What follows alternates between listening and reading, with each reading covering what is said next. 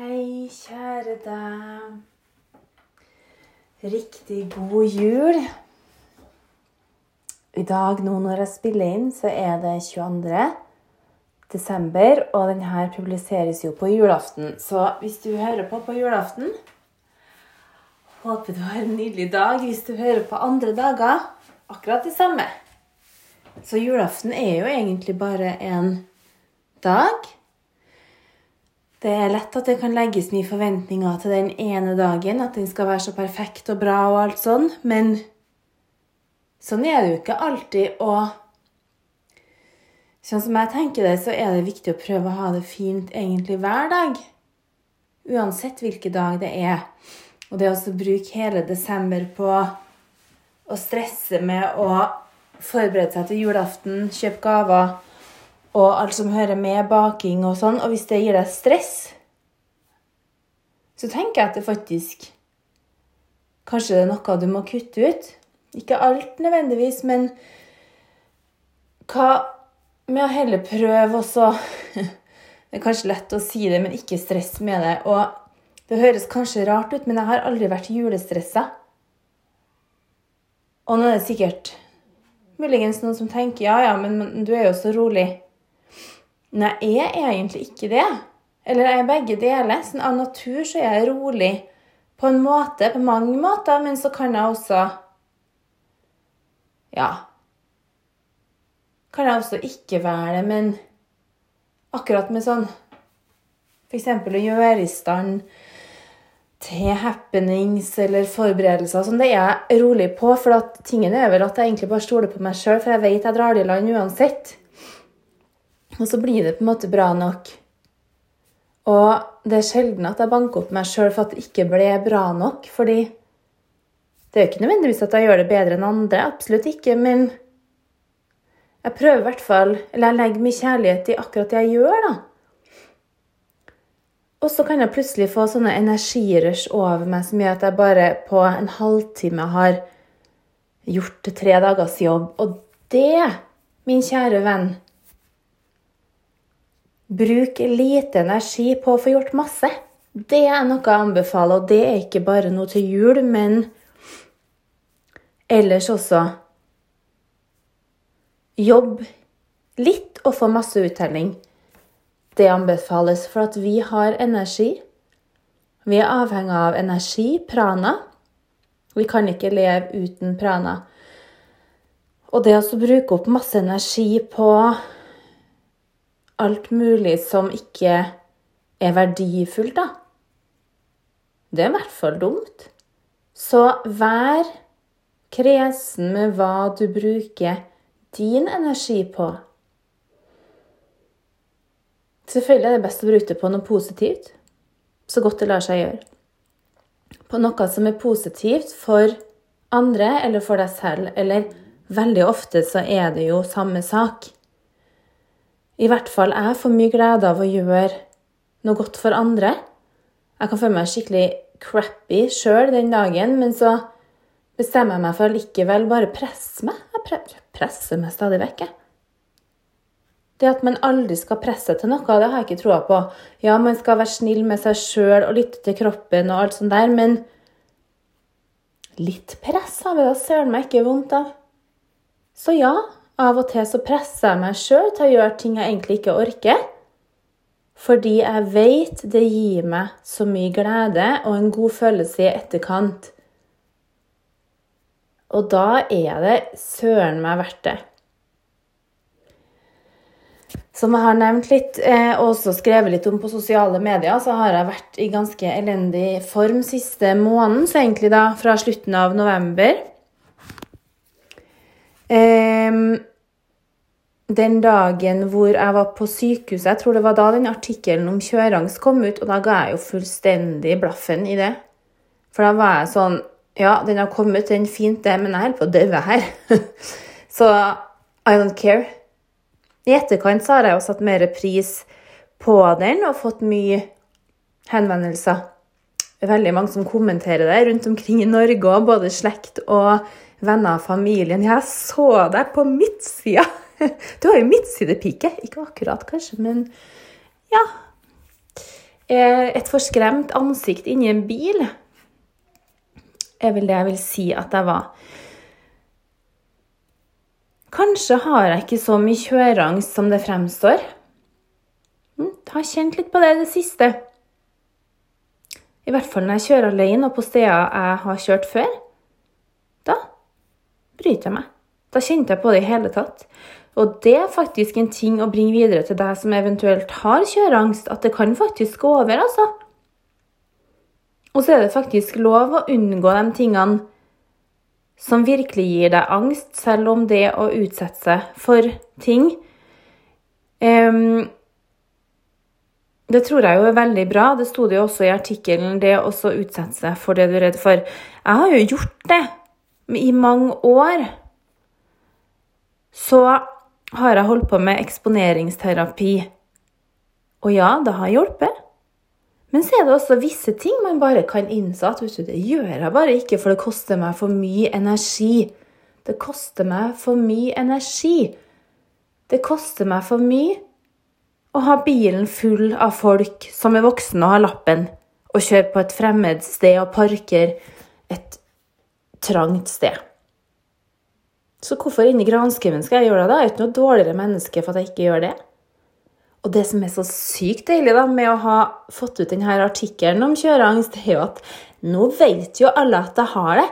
Så da er du bare slem hvis du spør om å sitte på. da kan jeg bare henvise til den. Si meg, leste du ikke den her, eller?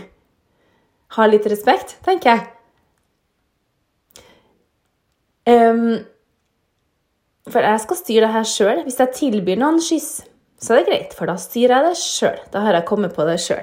Jeg må komme på ting sjøl, forresten. Sånn er jeg òg. Kan ikke få fortalt hva jeg skal gjøre eller mene eller noe sånt. Jeg må komme på det sjøl. Det gjelder både matlaging, f.eks.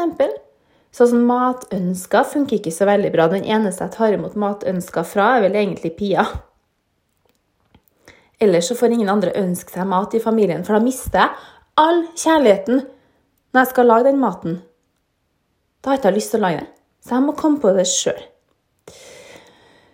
Um, og det er på en måte greit. Jeg vet nå hvem jeg er, og står for det. Hvis jeg tilbyr deg å sitte på, så er det greit, men ikke spørre sjøl.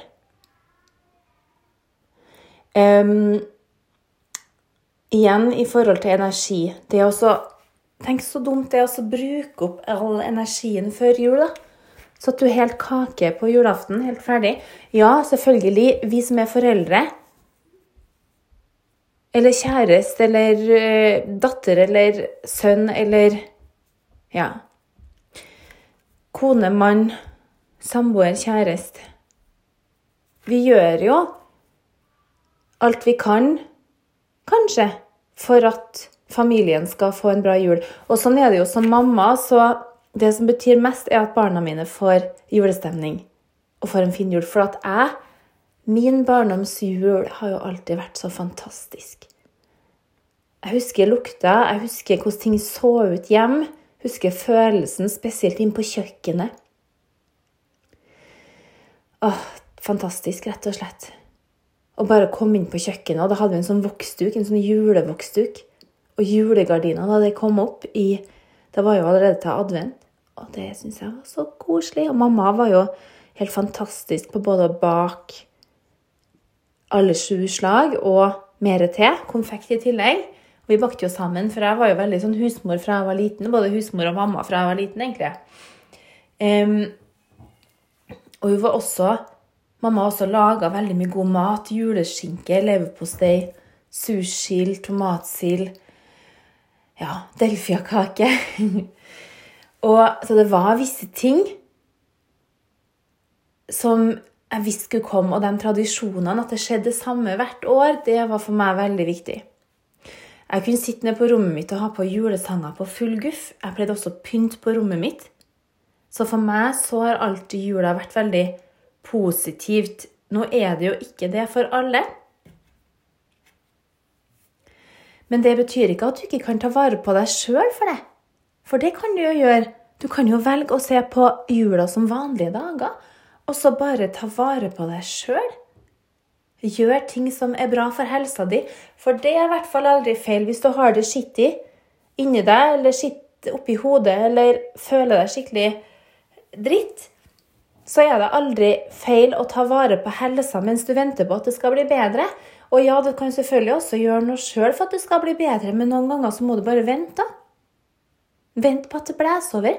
Stå i følelsene, tør å føle følelsene. Det er dessverre ingen vei utenom hvis du er den som fortrenger følelser.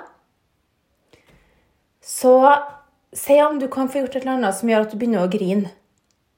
Og bare gjør det de neste ukene. Altså, nå høres det litt fælt ut, men det er en måte å prosessere på, følelser på. Å gråte er en fantastisk måte å prosessere følelser på. Mye bedre enn å skrike og hyle og kjefte. Ja, det kan kanskje trengs iblant, det, ja. Men å gråte er i hvert fall for meg en fin måte å prosessere følelser på. For å kunne prosessere følelser, hvis du ikke er av den såkalte følsomme sorten som hele tida kjenner på følelser og um, er veldig sånn nær deg sjøl, da så må du sette deg ned og være stille. Sett deg ned med deg selv for å gi plass og rom til de følelsene som kan få lov å komme.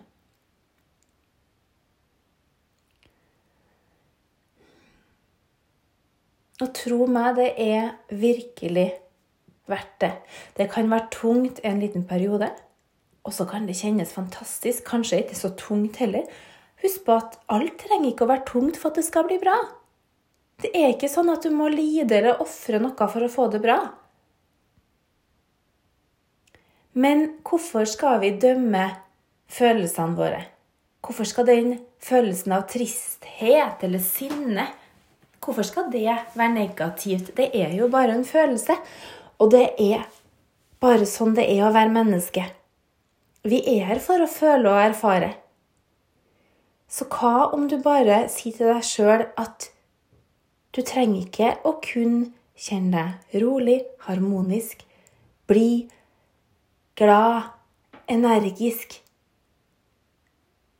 hele tida.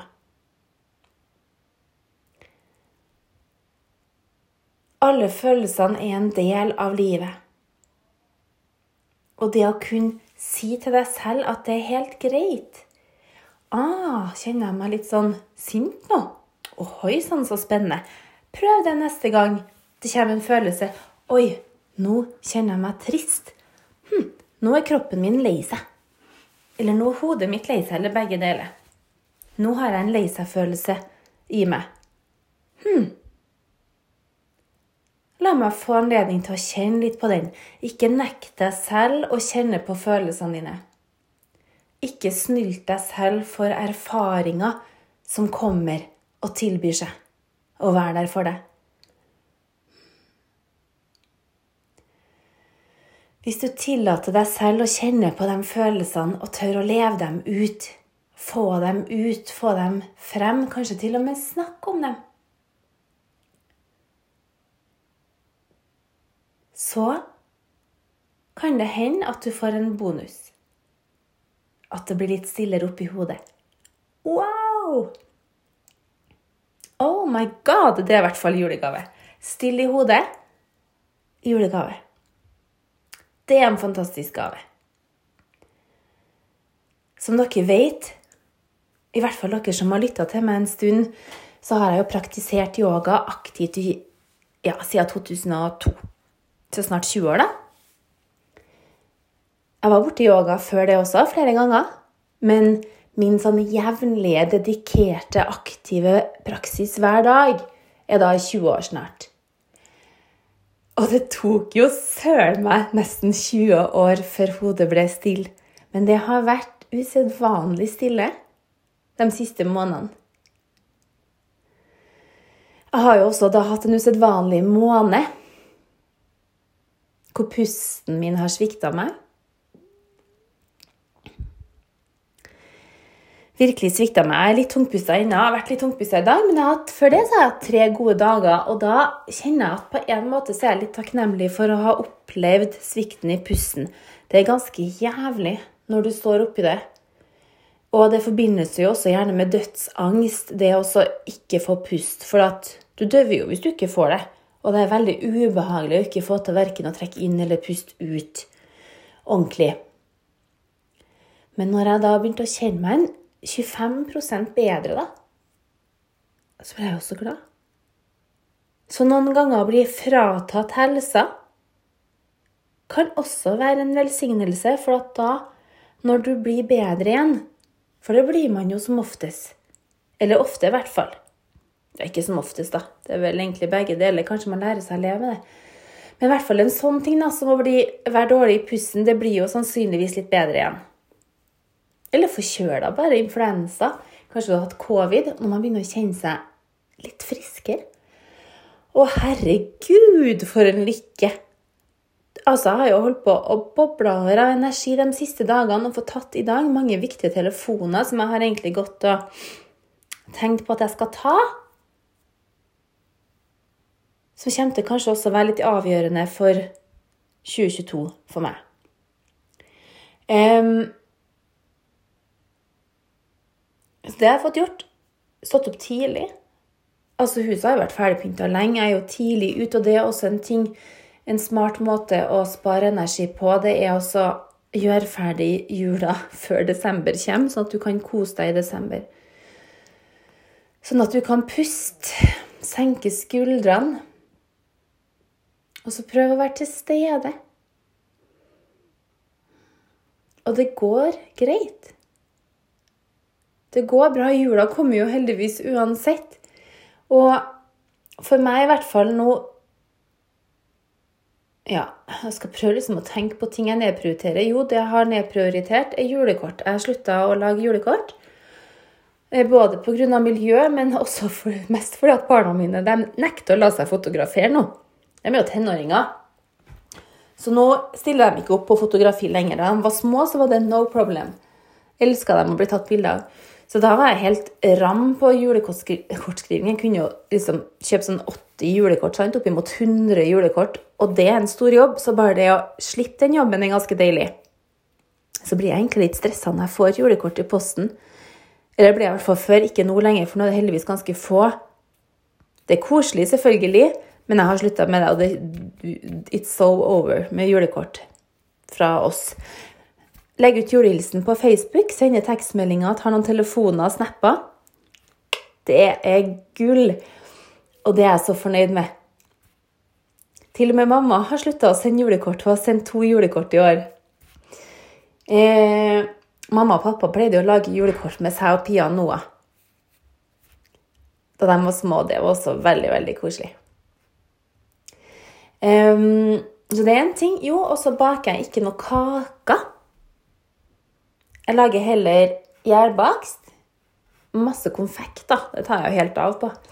Men det syns jeg er jo koselig, så det er jo en happening med Heidi, venninna mi. Og vi hadde jo to dager med konfektverksted, og det er jo superkoselig. Da fikk vi unna masse. Min favoritt ble Mozart-kula. Oh my god, altså. De holder seg bra òg, hvis jeg ikke spiser dem opp, da.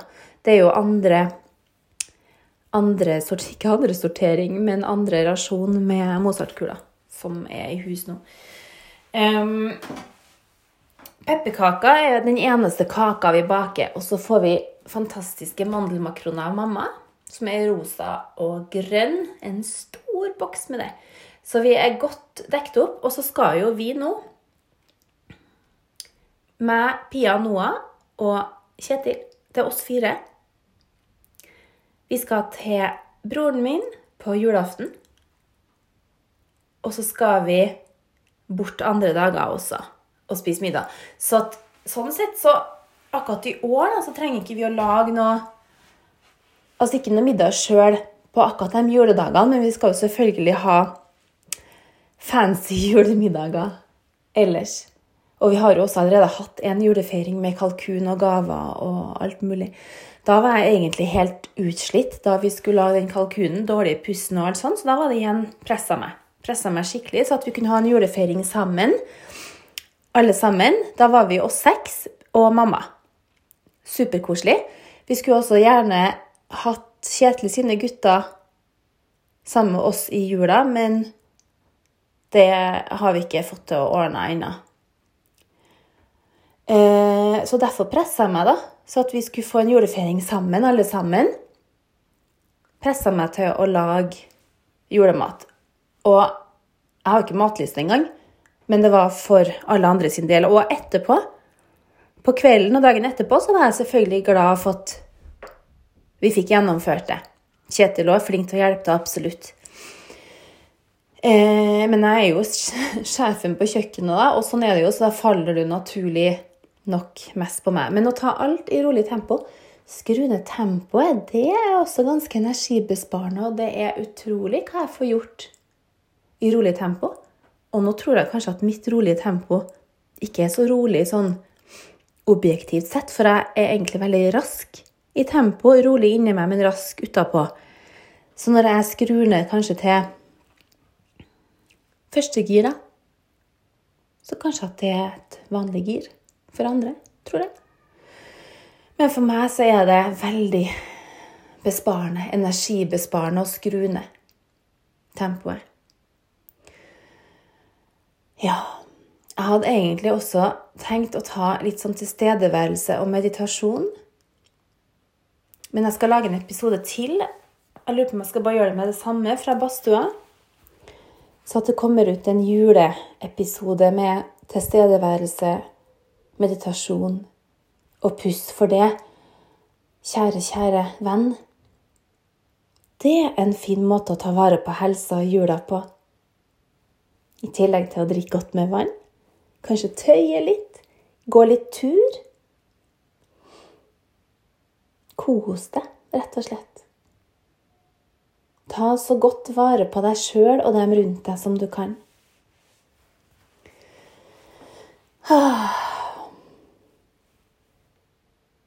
Riktig, riktig god jul, kjære deg.